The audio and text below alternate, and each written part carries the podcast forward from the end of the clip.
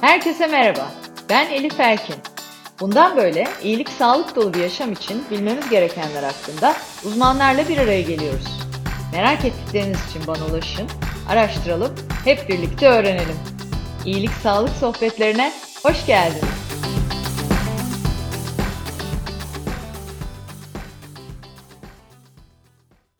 İyilik Sağlık Sohbetlerinin yeni bölümüyle karşınızdayım. Bu bölümde konuğum Pembe İzler Kadın Kanserleri Derneği Başkanı, aynı zamanda Acıbadem Taksim Hastanesi Direktörü Arzu Karataş. Sevgili Arzu Hanım, İyilik Sağlık Sohbetlerine hoş geldiniz. Hoş bulduk, çok teşekkürler. Ee, başlamadan önce her zaman yaptığım gibi e, sizlere Arzu Karataş'ı tanıtmak isterim. E, kendisi Zeynep Kamil Sağlık Meslek Lisesi hemşirelik bölümünü bitirdikten sonra Cerrahpaşa Ebelik Yüksekokulu'ndan mezun oluyor. Ardından Anadolu Üniversitesi İşletme Fakültesi'nde lisans eğitimini tamamlıyor. Ee, sonrasında da yine Anadolu Üniversitesi Sağlık Kurumları İşletmeciliğinde ön lisans yapıyor. 2000 yılından bu yana yani 22 yıldır Acıbadem Sağlık Kurumu'nda yönetici olarak çalışıyor. Ee, muazzam bir istikrar tabii, dile kolay. Onun için böyle sindire sindire söylemek istedim. Şu anda da Acıbadem Taksim Hastanesi'nin direktörü. Benim için samimiyetle Amazon kadınlardan e, adım adım edindiği deneyimlerle bugün bir hastanenin en tepesinde ve muazzam bir operasyonun başında e, binlerce hastanın hayatına dokunuyor. E, çok yoğun bir tempoda çalışıyor. Hani bu tempoda insanın başka şeylere vakit bulması kendine bile zorken bir yandan da geçirdiği hastalığın ardından e, işte kalbi e, de onu öyle yönlendirdiği için Pembe İzler Kadın Kanserleri Derneği'ni kuruyor ve başkalarına iyilik, sağlık vermeye devam ediyor. O gün bugündür de bir yandan profesyonel çalışırken bir yandan da Pembe İzler Derneği'nin başkanlığını yürütüyor. Tekrar hoş geldiniz diyorum ve öncelikle kariyer hikayesinden başlamak istiyorum. Çünkü muazzam bir hikaye. Sürekli öğrenme, sürekli gelişim öyküsü. Şimdi hep şunu konuşuyoruz işte ömür uzuyor, artık e, yaşlar ilerliyor inşallah. E, sizlerden tüyoları ala ala hepimiz daha uzun, daha iyi, daha sağlıklı da yaşayacağız ama nasıl yaşadığımız da önemli, içeriği de önemli. E, burada tam olarak bu var. Yani sürekli öğrenerek, geliştirerek hayatı zenginleştirme öyküsü diye görüyorum ben sizin hikayenizi. E, ebelik yüksekokulu'yla başlıyor süreç. Hemşirelik işletme lisansı derken bir hastanenin en tepesine kadar e, ilerliyor. Nasıl oldu? Yani hemşirelik döneminde hastane yönetimi gibi bir şey var mıydı aklınızda? Nasıl gelişti? Planlar mı vardı? İhtiyaçlar mı geliştirdi? Oralara akıttı? Tutku mu? Nedir? Aslında genç arkadaşlara da ilham vermesi açısından sormak isterim. Ben de bu hikayeyi aslında çok gururla anlatmak istiyorum ve özellikle gençlere de her fırsatta anlatmaya çalışıyorum. E, Elif Hanımcığım aslında çok planladığım gibi olmadı. Ben e, Balkan göçmeni bir ailenin çocuğuyum. İkinci çocuğuyum. Hem babamlar hem annemler e, şu andaki adıyla Kuzey Makedonya'dan 18 yaşında göç ediyorlar, geliyorlar. Aslında görece ekonomik olarak da e, orta ve üstü seviyede olan bir ailenin çocuğuyum. Hep bir hayalim var. Hayalim de konservatuar okumak aslında. Aa, evet, aa, evet, evet, evet. E, 11 yaşından beri elimde böyle mikrofonla dolaşıyordum ama hayat pek hayallerinizle ya da planlarınızla örtüşmüyor ve benim aslında 12 ya da 13 yaşında babam büyük bir iflas yaşadı. O gün koşullarında e, kuvvetle muhtemel o Balkan kültürünün de verdiği göç psikolojisiyle de benim bir an önce bir şey yapmam lazım dedim. Ortaokul öğretmenime gittim dedim ki benim acil para kazanmam lazım. Aileme destek olmam lazım dedim. O da bana dedi ki inanın 2-3 gün vardı galiba. Hemşire yatılı okulu sınavlarına gir o zaman. Hemen oraya tercih yap dedi. Olur dedim. Ben hiç annemle babama da söylemeden tercih yaptım. Sınava girdim. Çünkü zaten o sıra annem ve babam çok büyük üzüntü içinde. Hani insanlar evet. beni de düşünecek hali yok. Sonra e, sınav sonuçları henüz açıklanmadı. Böyle Bakırköy'de beni normal bir liseye kayıt yaptırdılar. Aa, sınav sonuçları geldi. Yatılı okulu kazanmışım. Allah, tabii, hayat nasıl değişiyor bir anda? Evet, evet, evet. Ben tabii o kadar böyle ısrarla gittim ama çok mutlu oldum ama Bir taraftan da yatılı okul kültürünü inanılmaz merak ediyorum. Nasıl? Bir de şunu düşünüyorum. Hani dört yıllık okul bitirir bitirmez hemen para kazanmaya başlayacağım ve ben bu aileye bunu borçluyum diye düşünüyorum.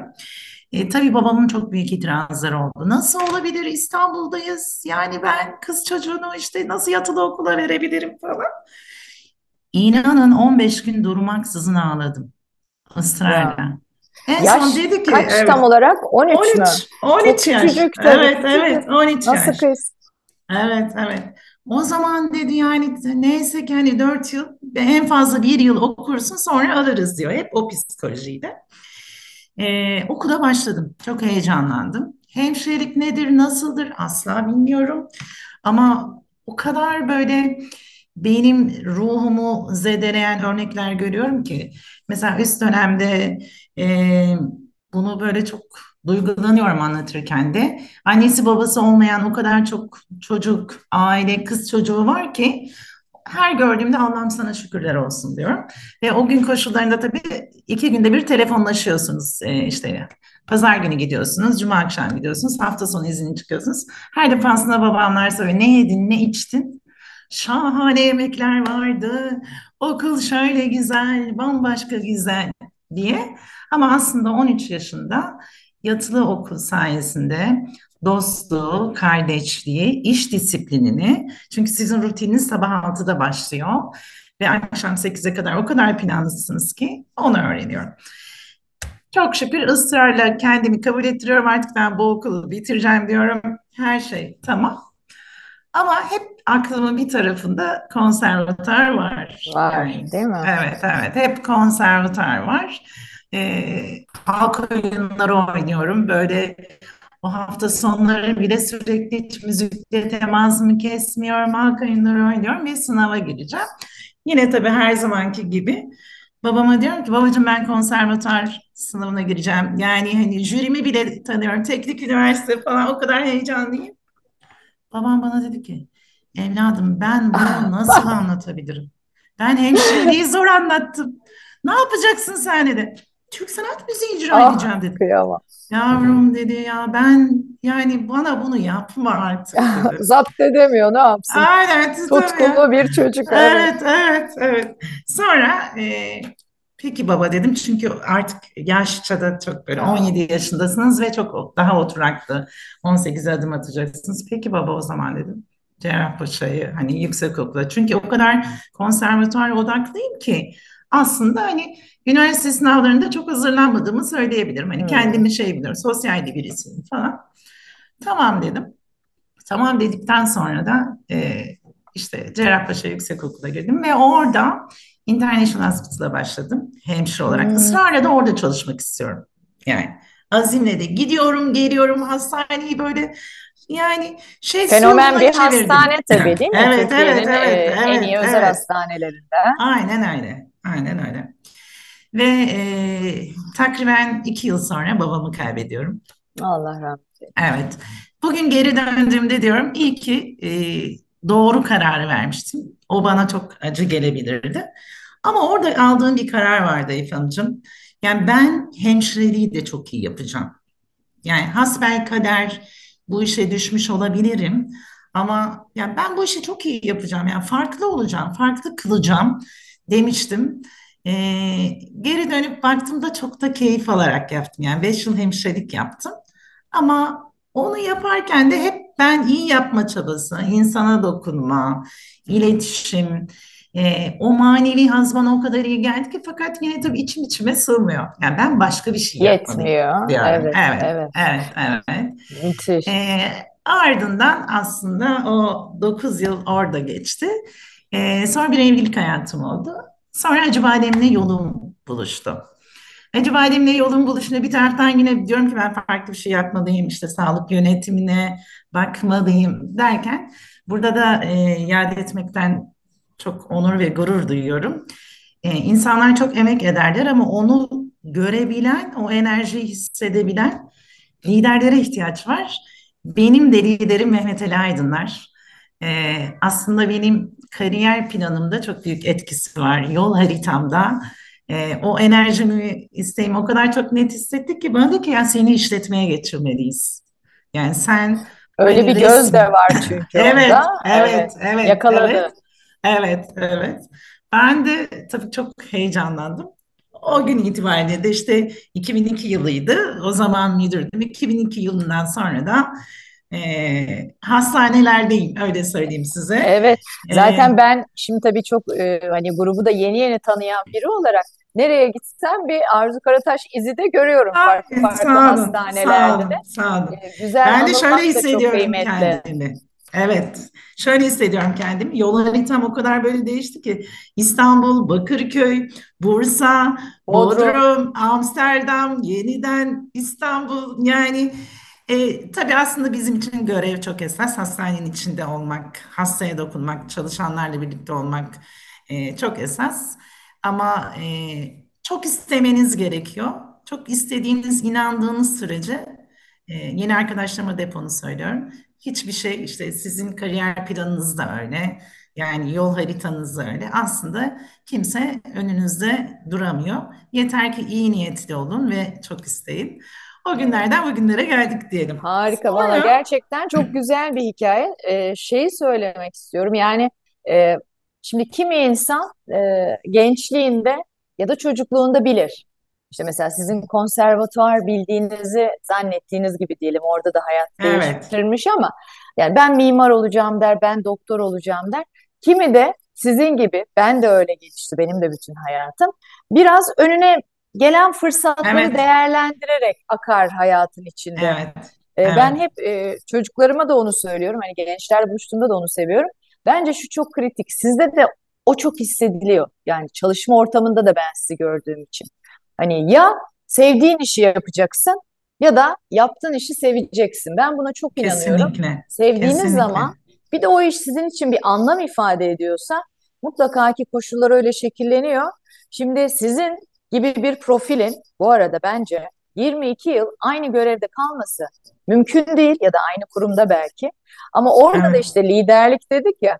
evet, Mehmet Ali Bey'in e, o dokunuşları ve sizi evet. muhtemelen birkaç yılda bir sıfırlayıp yenilemesi, Evet, evet, yeni, evet. Evet, evet öyle yeni oluyor. Doğru görevler koyması aslında her defasında sizde bir iş değişikliği gibi Evet, yeni tekrar bir enerji ve yeni bir başlangıç oluyor. Evet, Öyle yeni bir gibi. başlangıç Evet, oluyor. harika. Bir Bütün şey bunları söylüyordum. yaparken, evet, bütün bunları yaparken aslında böyle çok yoğun çalışıyoruz, koşturuyoruz. Ee, çevremdeki sokaktaki herkese diyorum ki ben mamografini çektirdim mi, yaptırdın mı? Ve hiç unutamadığım bir Bodrum hikayem var aslında. Ee, bir işte Rogar'da mahallede bir sorun olmuştu. Ee, koşarak dışarı çıktım. Sonra orada bir hasta gördüm. Ee, hastaya dedim ki neyiniz var? Ben benim Hanım dedi. Ve işte sürekli çok genç bir anneydi. Ee, sürekli İzmir'e gidiyorum, geliyorum dedi. Yani işte keşke Muğla civarlarında bir onkoloji merkezi. O benim o kadar çok içime işledi ki. Bu bir, onun üstüne bir e-mail aldım. Amerika'da yaşayan bir kadın doğumcu. İşte Arzu Hanım merhaba. Ee, kanser tanısı aldım ve yaşamamın son zamanlarını Bodrum'da geçirmek istiyorum. Çok bilinçli bir hasta ve hekim. Ki çok üzülerek burada onkoloji merkezimiz yok henüz. Ama böyle bir beynime şimşek çaktı. Yani ay nasıl olur falan. İşaret da. evet. Sonra yine çok bambaşka bir planımız varken MTB'ye gittim dedim ki MT Bey biz orada onkoloji merkezi kurmalıyız. Sağ olsunlar çok hassastırlar orada bu konuda. Tamam dedi. Var olan bütün yatırımı lağv ettik ve biz orada onkoloji merkezi kurmaya başlıyoruz. Kuzenim meme kanseri teşhisi aldı. 2013 e, Ağustos ayında onun ilk kemoterapisine yurt dışına gittim. Asla hiç kendim de planlamıyorum, hayal etmiyorum ve hep şöyle zannediyorum. Yani Aa, daha 40 yaşında değilim ama ben aslında 40 yaşına girdim.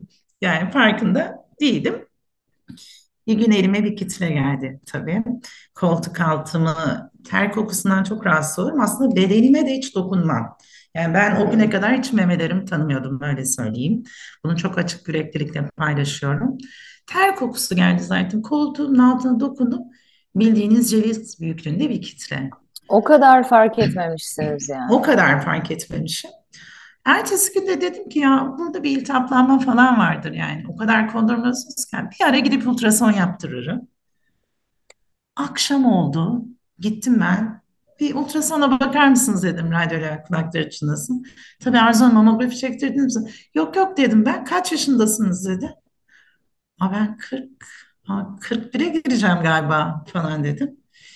O ultrason probunu koyduğunda tabii ki anladı o. O gün ve sonrası benim için hayat Bambaşka. başka akmaya başladı. Evet, bambaşka akmaya başladı. Ee, işte ertesi gün henüz onkoloji merkezini kuramamıştık ki apar topar İstanbul'a geldim ve bir anda ben kendimi ileri evre olduğu için evre 3 e, kahramanlarım diyorum hocalarım. Dediler ki hemen kemoterapiye başlamalısın. Hemen hemen deyip o yolculuğumuz başlamış oldu. evet. Tam bir terzi kendi söküğünü dikemez durumu. Yani bu yoğunlukta ve bu kadar içindesiniz yani. Değil mi? Gününüzün 10 saati geçiyor Kesinlikle, ve 5 kesinlikle. dakika. E, Yani bunu işte siz zaten bunu çok yapıyorsunuz biliyorum.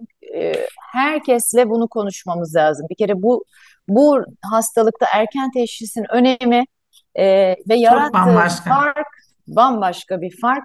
Herkese mutlaka ve mutlaka kontrollere gitmesini söylemek lazım yani. Çok değiştiriyor hayatı. Kesinlikle. Şimdi ben geri dönüp bakıyorum. Ben onu hani rutinimde olsaydı işte sizin çok güzel söylediğiniz bir şey var. İyilik, sağlık rutini. O benim rutinimde olsaydı ben onu kuvvetle muhtemel iki yıl önce tespit edecektim ve hiç kemoterapi bile almama Almayacak. gerek kalmayacaktı. Sadece küçük bir ameliyatla atlatıp ilaç tedavisine e, geçecektim. Kemoterapi ise insan hayatında yani o saç kaybı, kaş kaybı, yani beden, imge, imajı o kadar çok şey değiştiriyor ki aslında.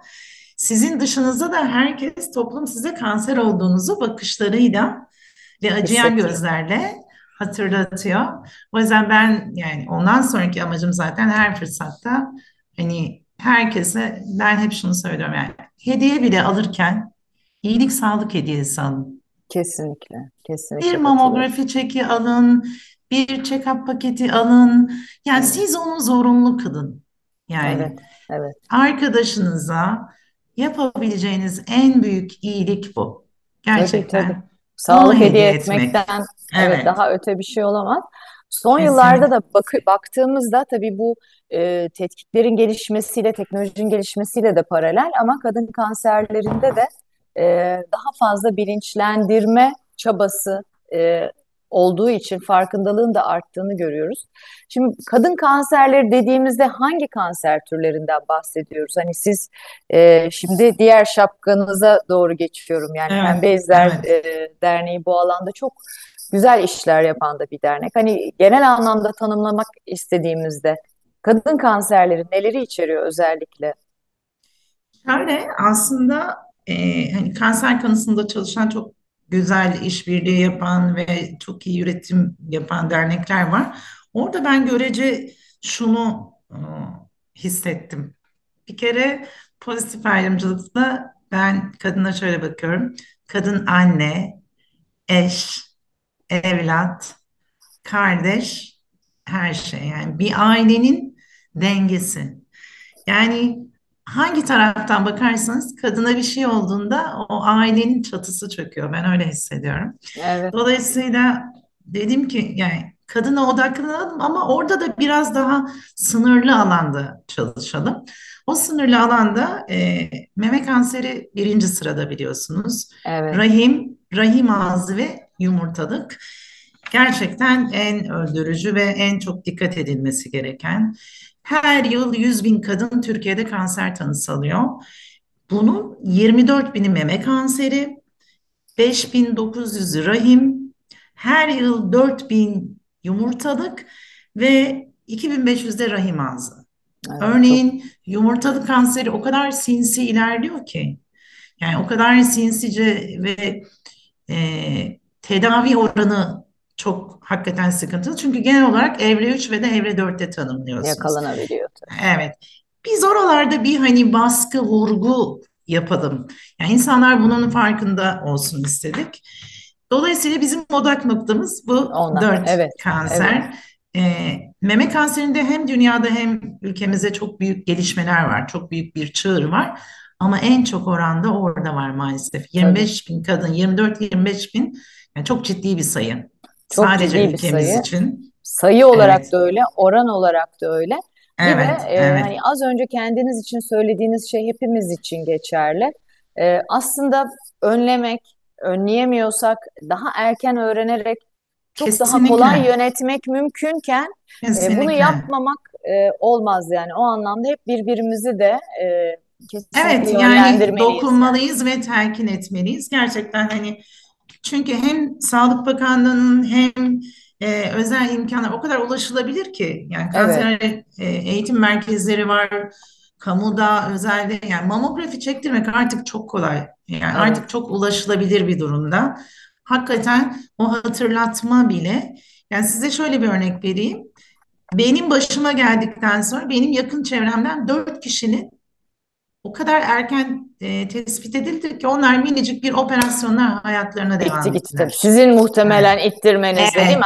evet, Hadi evet, evet. Hadi, hadi dememle. Evet, Aynen öyle oldu. evet. Aynen öyle oldu. Buradan da vereceğiniz herhalde en önemli mesaj o değil mi? Gerek meme kanseri ya da tüm kadın e, sağlığı konusunda da aslında öyle ama özellikle kadın kanserleriyle alakalı e, en Yani önemli. bence çok net insanın hayatına kural şeklinde koyması gereken bir memenizi tanıyın. Her ay memenizi muayene edin, tanıyın. Hep şöyle söylüyor e, hastalar ve arkadaşlarım. Ya nasıl anlayacağım ben? Siz 2-3 ay muayene ettikten sonra sıra dışı en ufacık mercimek noktasını bile ya burada bir şey var diyorsunuz bir kere. Bu çok temel bir kural olmalı. İkincisi senede bir mutlaka bir kadın doğum uzmanına gidin. Evet, Yani kuaföre gidiyoruz, her şeye gidiyoruz, her şeye vakit ayırıyoruz. Senede bir defa ve çok ideal olan tabii ki aslında her yıl check-up yaptırmanız. kesinlikle. Yani E, check-up. evet, Yani herkesin kendine, ben artık şöyle söylüyorum. Her yıl insanlar kendine bir doğum günü hediyesi yapmalı. Doğum gününe işte öncesi sonrası demeli ki benim bu iyilik sağlık rutinim. Ben bunu ajandama alıyorum ve bunu ya- kendime yapabileceğim en büyük hediye bu deyip yapmalı diye düşünüyorum. Bence evet. en temel kural bu. Ve bunu da rutin haline getirmeli gerçekten. Kesinlikle, kesinlikle. Ee, dediğim gibi farkındalık da artıyor. Ee, farkındalık yaratacak çalışmalar da artıyor. Bu hepimiz için çok iyi, çok kıymetli. Kadının rolünü de çok güzel tanımladınız. Gerçekten öyle. Ee, aileden birazcık elini eteğini çektiği zaman bir sürü dengede bozulmalar olduğunu da gö- görüyoruz, yaşıyoruz. Kesinlikle, Ee, kesinlikle. ve bu bunu önleyebilecekken, daha iyi yönetebilecekken de bunun için çok ufak bir çabayla aslında bunu yapmak lazım. Şimdi Pembe İzler Derneği'ne baktığımda da hani diğer derneklerle hem işbirliğinde hem e, ortak mesajlarla ilerliyor ama farklılaştığı noktalar da var. Bana farklı geliyor çünkü siz e, nedense bana daha duygusal bir dernek gibi de geliyorsunuz. Yani çünkü yaptığınız iş sadece hani mamografi çektirin e, demek de değil ya da buna bir kaynak yaratmak hani imkanı olmayanlara Evet, tabii ki bunları evet. yapıyorsunuz. Birazdan e, soracağım bütünselde hı. neler yaptığınızı ama ne bileyim bir hastaya peruk ulaştırmak e, ya da bir göz kalemi e, iletmek, vermek, e, bazen de sadece yanına e, hastaneye gidebileceği bir araç sağlamak gibi e, hani küçücük görünüp o an bizler için ama o hastanın hayatında çok önemli olabilecek dokunuşlarınız da var. E, yani bunlar çok kıymetli e, bence. Birazcık anlatır mısınız? Yani neler yapıyorsunuz? Hem bilinçlendirmek için hem destek olmak için kuruluş amacınız ne? E, neler yaptınız bugüne kadar? Şimdi şöyle aslında e, bu dernekte yola çıkarken yani nasıl yola çıktım çıktık ya da. Ben kanser tanısı aldıktan sonra tabii büyük bir ambivalen duygular işte nasıl olacak yani çok bambaşka şeyler yaşıyorsunuz. O anda vasiyetinizi falan planlıyorsunuz yani. O kadar dünyanız değişiyor ki. Sonra toparlıyorsunuz iki yol var iki yol ayrımından. Ya dibe vuracaksınız ya çıkacaksınız ve ben hani çok şükür çıkmayı tercih edenlerdenim. Fakat ben aslında o zaman anlamamışım biliyor musunuz Elif Hanım? Her 14 Şubat'ta Yani herkes işte 25 Ocak'ta tedavim başladı. Ben 14 Şubat'ta saçlarımı kaybettim. Hay Allah. Yani bir anda kendimi çırılçıplak hissettim ve böyle öbek öbek saçlarım elimde kaldı. Kaşlarım, kirpiklerim. Ben o gün kanser olduğumu anladım. Doğru.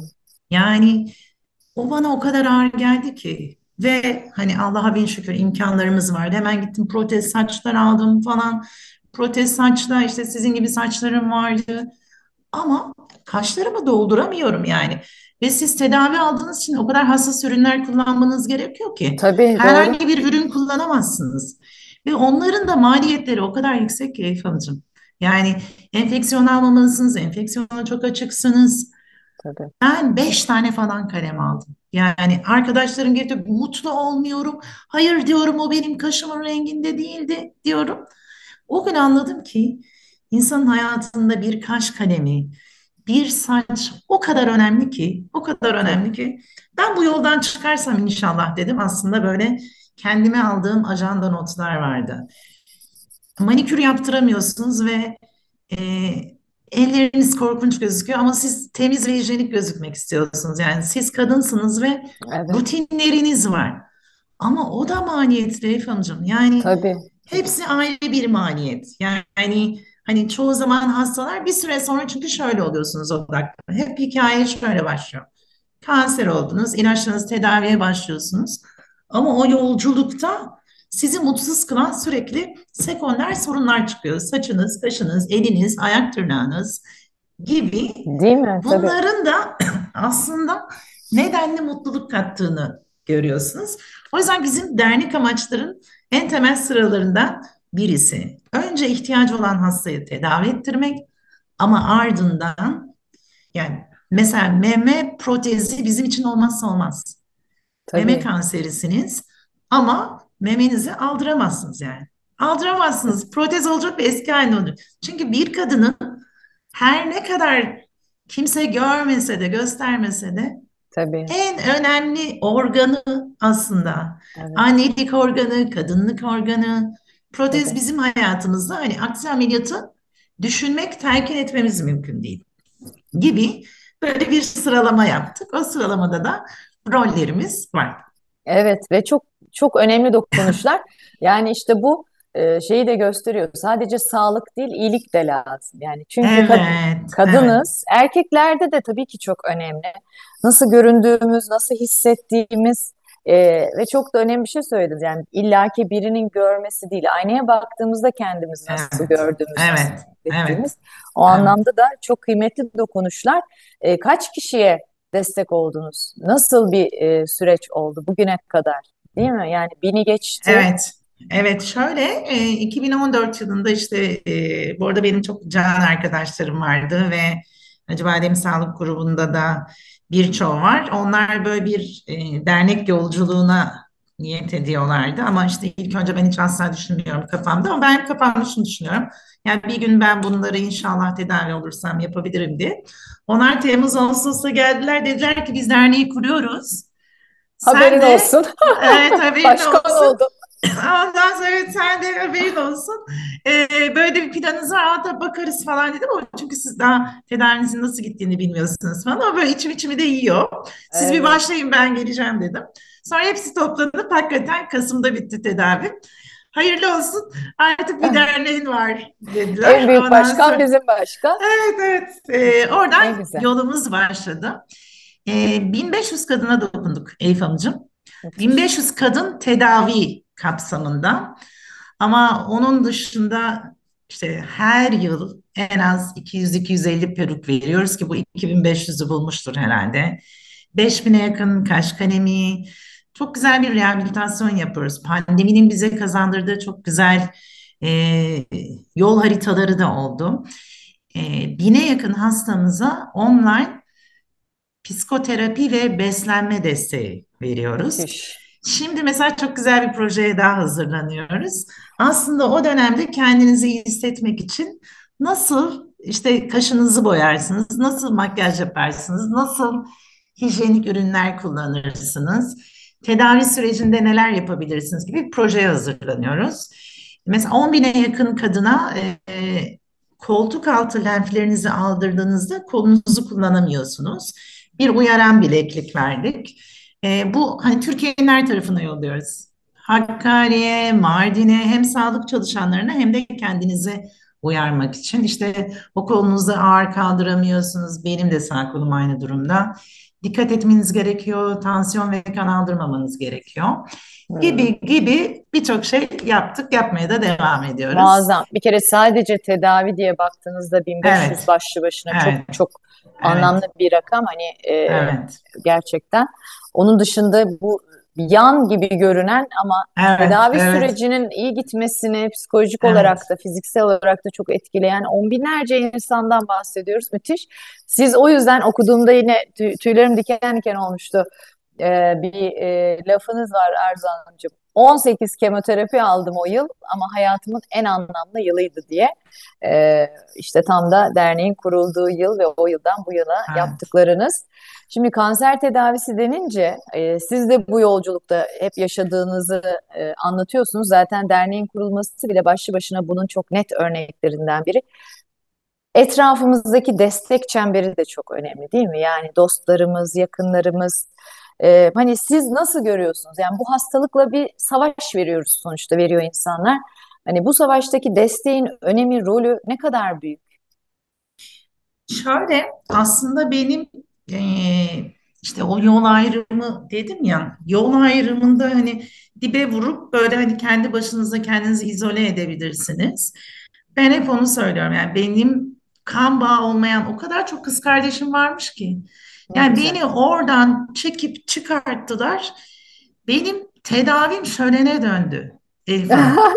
Ne güzel, Yani ne mutlu. resmen bir şölene döndü. Yani kemoterapi öncesi yemekler yeniliyor, kemoterapi sonrası hepsi bana özel şoförlük yapılıyor. Kimse beni dolaştırmıyor, o alıyor, bu getiriyor. Her kemoterapide bir coşku, hediye çemberi, sevgi çemberi. Yani Ne iki şey güzel. çok önemliydi. Bir, kendimi çok iyi hissettiler. İkincisi hayatımda ilk defa aslında Elif Hanım, ya bir dakika Arzu dedim ya. 40 yıl yani Arzu hiç merkezde değilmiş. Değil mi? Onu da fark tabii. Evet, hiç merkezde değilmiş yani. Hep şöyle planlamışız. Hep şöyle, hepimiz öyle planlıyoruz aslında. Diyoruz ki ya işte yaşlılığımda daha iyi koşullarda olabilecek eee, bir evde alayım. 2 artı 1 ise 3 artı 1'e çıkayım. 4 artı 1'e çıkayım. İşte kiralık şurada oturuyorken şuraya gideyim. Hep böyle bir geleceğe Hedefler. yatırım. Ama siz yani bir gün geliyor bir hediye paketi açıyorsunuz. içinden bir kanser çıktı. Ben de o zaman hep şöyle düşünüyorum. Aa, iki, iki tane evim olsun işte kirayı da vereyim falan. Biliyor musunuz benim ilk yaptığım şey evimi satmak oldu. Değil mi? Yani çünkü siz asla geleceğe yatırım ve ipotek koyamıyorsunuz. Anlardasınız ya.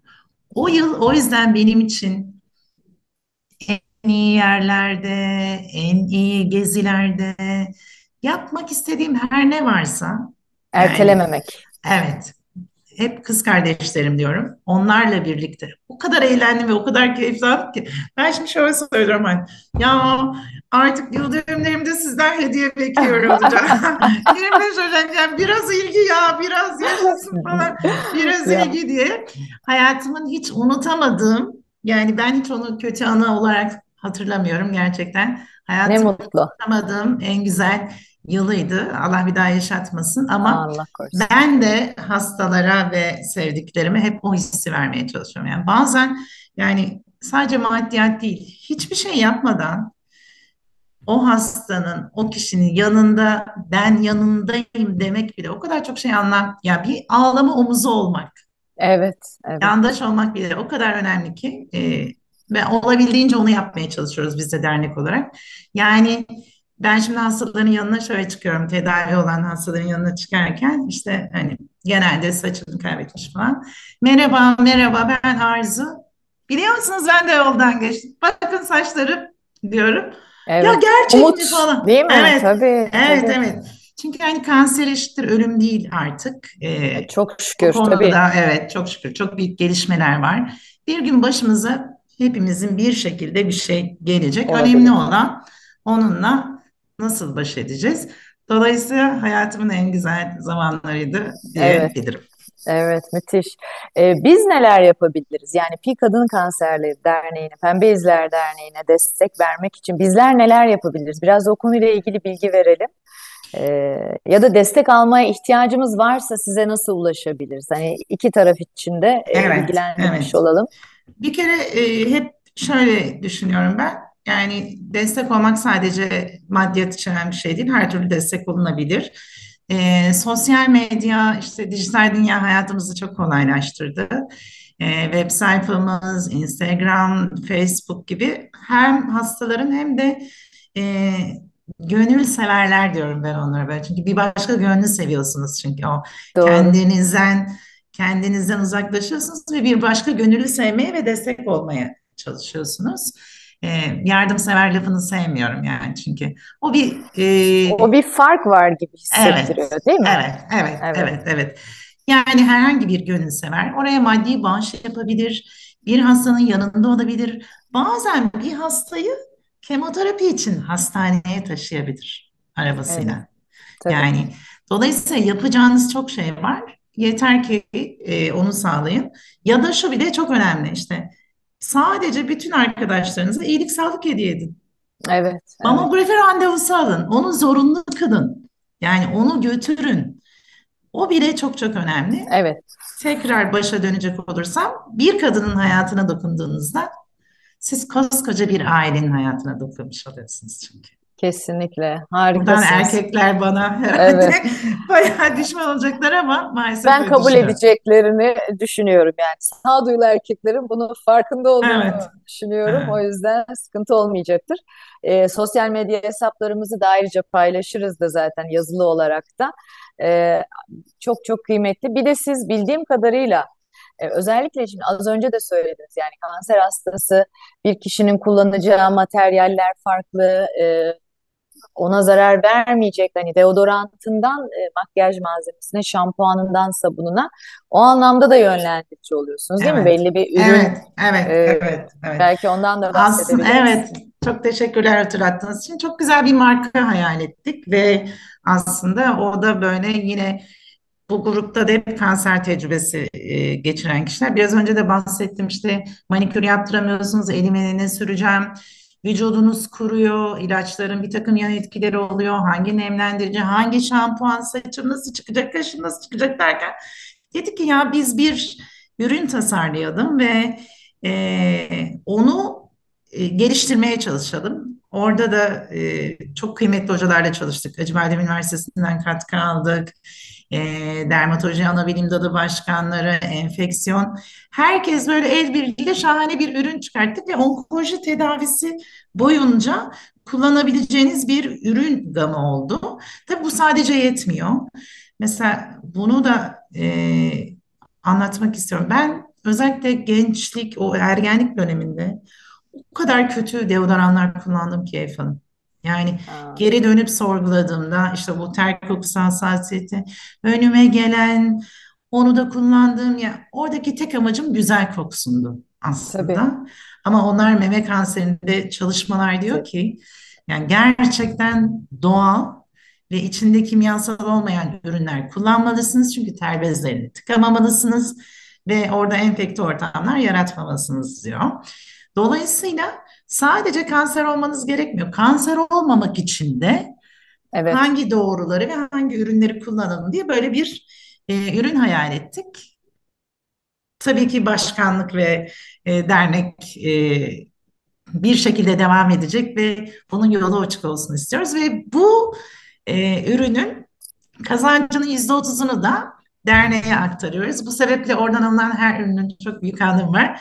Bu vesileyle tekrar size de teşekkür etmek istiyorum evet. ki Ne her hediyenizi oradan yapıyorsunuz. Sağ olun, var olun. Çok e, Çok duyarlı bir kıymetli. yaklaşım bu. Evet, Ee, evet. bir kere çok iyi ürünler yani tam da Sağ onu söyleyecektim ben de ben de kullanıyorum Ee, hediye de ediyorum arkadaşlarıma Evet, Ee, çünkü güvenilir ürünler güvenilir evet. ürünler bulmamız artık çok zor yedik yediklerimize Kesinlikle, de güvenemiyoruz içtiklerimize de kullandığımız ürünlere de o kesinlikle. anlamda da e, paylaşmayı ben de çok arzu etmiştim iyi oldu Evet. valla nasıl aktı gitti e, Ben bilmiyorum de, evet. sohbet Ben harikasınız de. iyi ki de geldiniz. Son soruma geçiyorum. Ee, siz zaten e, sohbet içinde çok güzel tüyolar verdiniz ama şöyle bir yine de e, sizin iyilik sağlık rutininizi soracağım. Bir numara tabii ki kontrolle başlıyor ama başka yaptığınız neler var? Size iyi hissettiren, sağlığınızı kontrol altına almaya çalış, çalışırken yaptığınız. Şöyle, e, bir kere ben kontrol altında bir hastayım. Hala akıllı ilaç kullanıyorum. Sekizinci yılım. Her yıl rutin kontrollerim var. E, bütün tetkiklerimi yaptırıyorum. Ama onun dışında aslında benim iyilik sağlık rutinim daha önce bunu çok önemsemezken ben çok iyi uyumaya çalışıyorum. Hmm, Koşullar her ne olursa olsun e, minimum 7 saat 8 saat ya o uyku düzenimi çok düzenli kılmaya çalışıyorum. O benim için çok önemli artık. İyi beslenmeye çalışıyorum. Yani e, benim tümörümün özelliği de hormonlardan beslenen östrojen ve progesteron hormonundan besleniyor. Sağlıklı ve Akdeniz usulü beslenmeye çalışıyorum. Yani evet, hayatımdan e, artık ürünleri bile inanın şey şu gözle bakıyorum. Onun içinde östrojen var mı, yok mu? Buna karşın şahane bir vücudum yok. Kiloluyum ama şundan eminim. Kolesterol değerlerim, kan değerlerim, ya onları çok özenle takip ediyorum. Ee, keşke benim en büyük zayıf noktam ve e, zaman bulamamam Pandemi de bunu bizi tabii çok engelledi. Yani hayat düzenimiz ve çalışma saatlerimiz çok değişti. Kendimde eleştiriyorum da. Hareket azlığım var. Sadece evet, biraz yürüyebiliyorum. Onu rutinime sokmam gerektiğini düşünüyorum. Çünkü meme kanserinde de çok önemli, tırnak içinde altını çiziyorum. Egzersizin ve özellikle menopoza girdikten sonra e, yapılan hareketin çok büyük anlamı var ki kalp damar hastalıklarını zaten hani söylemek evet, yani evet. en başta vurgulamak gerekiyor. Ee, buna çok özen gösteriyorum diyebilirim. Yani iyi beslenme, iyi ürün kullanma, uyku, uyku çünkü uykusuzluk o genç zamanlarımızda şöyle derdik. Ya 3 Anlamıyoruz, değil saat mi? evet 3 saat uyuyayım 4 ama öyle değil. Yani hem beyninizi çok yoruyorsunuz, bedeninizi yoruyorsunuz. Yani vücudun aralıksız 7-8 saat o sistemin uykuya çok ihtiyacı var. Bunları önemsemeye çalışıyorum. Hala Harika. geliştirme çabam var kendimi. Evet. Şimdi İnşallah, 2023 için hareket hedefinizi e, evet, inşallah. ağızdan çıktı. Kendi Evet, kendinize bunu evet, söylediniz. Biz de evet, takipçisi olacağız. evet, evet, E, evet. üçü de çok kıymetli. Tetkikler ve düzenli kontrolün yanında uyku, beslenme ve hareket Dünya Sağlık Örgütü'nün iyilik sağlık Kesinlikle, için e, önerdiği ilk üç numara zaten. E, şimdi hayatın içinde biraz da yaş aldıkça da hep görüyoruz ya bazı kadim söylemler çocukken, gençken böyle bir kulağımızdan girip bir kulağımızdan çıkan yahu bir yaş bir yaştan sonra ben kendimde onu görüyorum. Ee, anneanneme benzedim diyorum kendi kendime ama Evet, bu kadar mı doğru olur? Yani şimdi uyusun da büyüsün. Sen nereden biliyorsun anneanneciğim uykuda büyüme hormonunun salgılandığını evet, Ama mesela evet. Bu hayatımızda ya da işte o zihin sağlığımızı korumak için o hep sığındığımız her işte bir hayır vardır felsefesi. Ya da işte hep Kesinlikle. şükretmeyi bize öğrettiler. Siz de birkaç kere yine e, onu Evet, dile getirdiniz. O şükretme. Aslında bazı bilgiler e, aileden de içimize kodlanmış durumda. Sadece belki üstünün tozunu atıp e, birazcık odak almamız lazım. En başta e, gençlere ilham olsun, hepimize ilham olsun. O yüzden çok istedim sizin hikayeniz. Çünkü bazen bahanelere sığınabiliyoruz. Ya çok yoğun çalışıyorum, yapamam diyebiliyoruz. Ama siz mesela bunun canlı örneğisiniz. Yani evet çok yoğun Evet, çalışıyor. Ama işte bir bir yandan eğitimine de devam ediyor. Bir yandan bir kariyer dönüşümü de yaratabiliyor kesinlikle, hayatında. Bir kesinlikle. yandan kanser atlatıyor, bir yandan dernek kurup daha fazla insana nasıl dokunurum da diyebiliyor. Ee, o yüzden bu mümkün. Ee, bir kişi yapabiliyorsa hepimiz yapabiliriz. Hepimize de ilham oldunuz. Ee, o anlamda da çok e, sevindim. İyi ki geldiniz. Ee, en kısa sürede yüz yüze de bir kahvemizi içelim inşallah. İnşallah, inşallah. Ben çok teşekkür ederim. Çünkü ben sıklıkla bunu anlatmayı ve hani e, bunun da çok önemli bir iyilik sağlık dokunması olduğunu düşünüyorum. Sıklıkla da anlatmaktan mutluluk duyuyorum. Ben bu fırsatı verdiğiniz için çok teşekkür ediyorum. Her zaman keyif bizim için. Görüşmek üzere. Görüşmek üzere, hoşça kalın. Sağlıkla kalın. İyilik, sağlık dileklerimizle.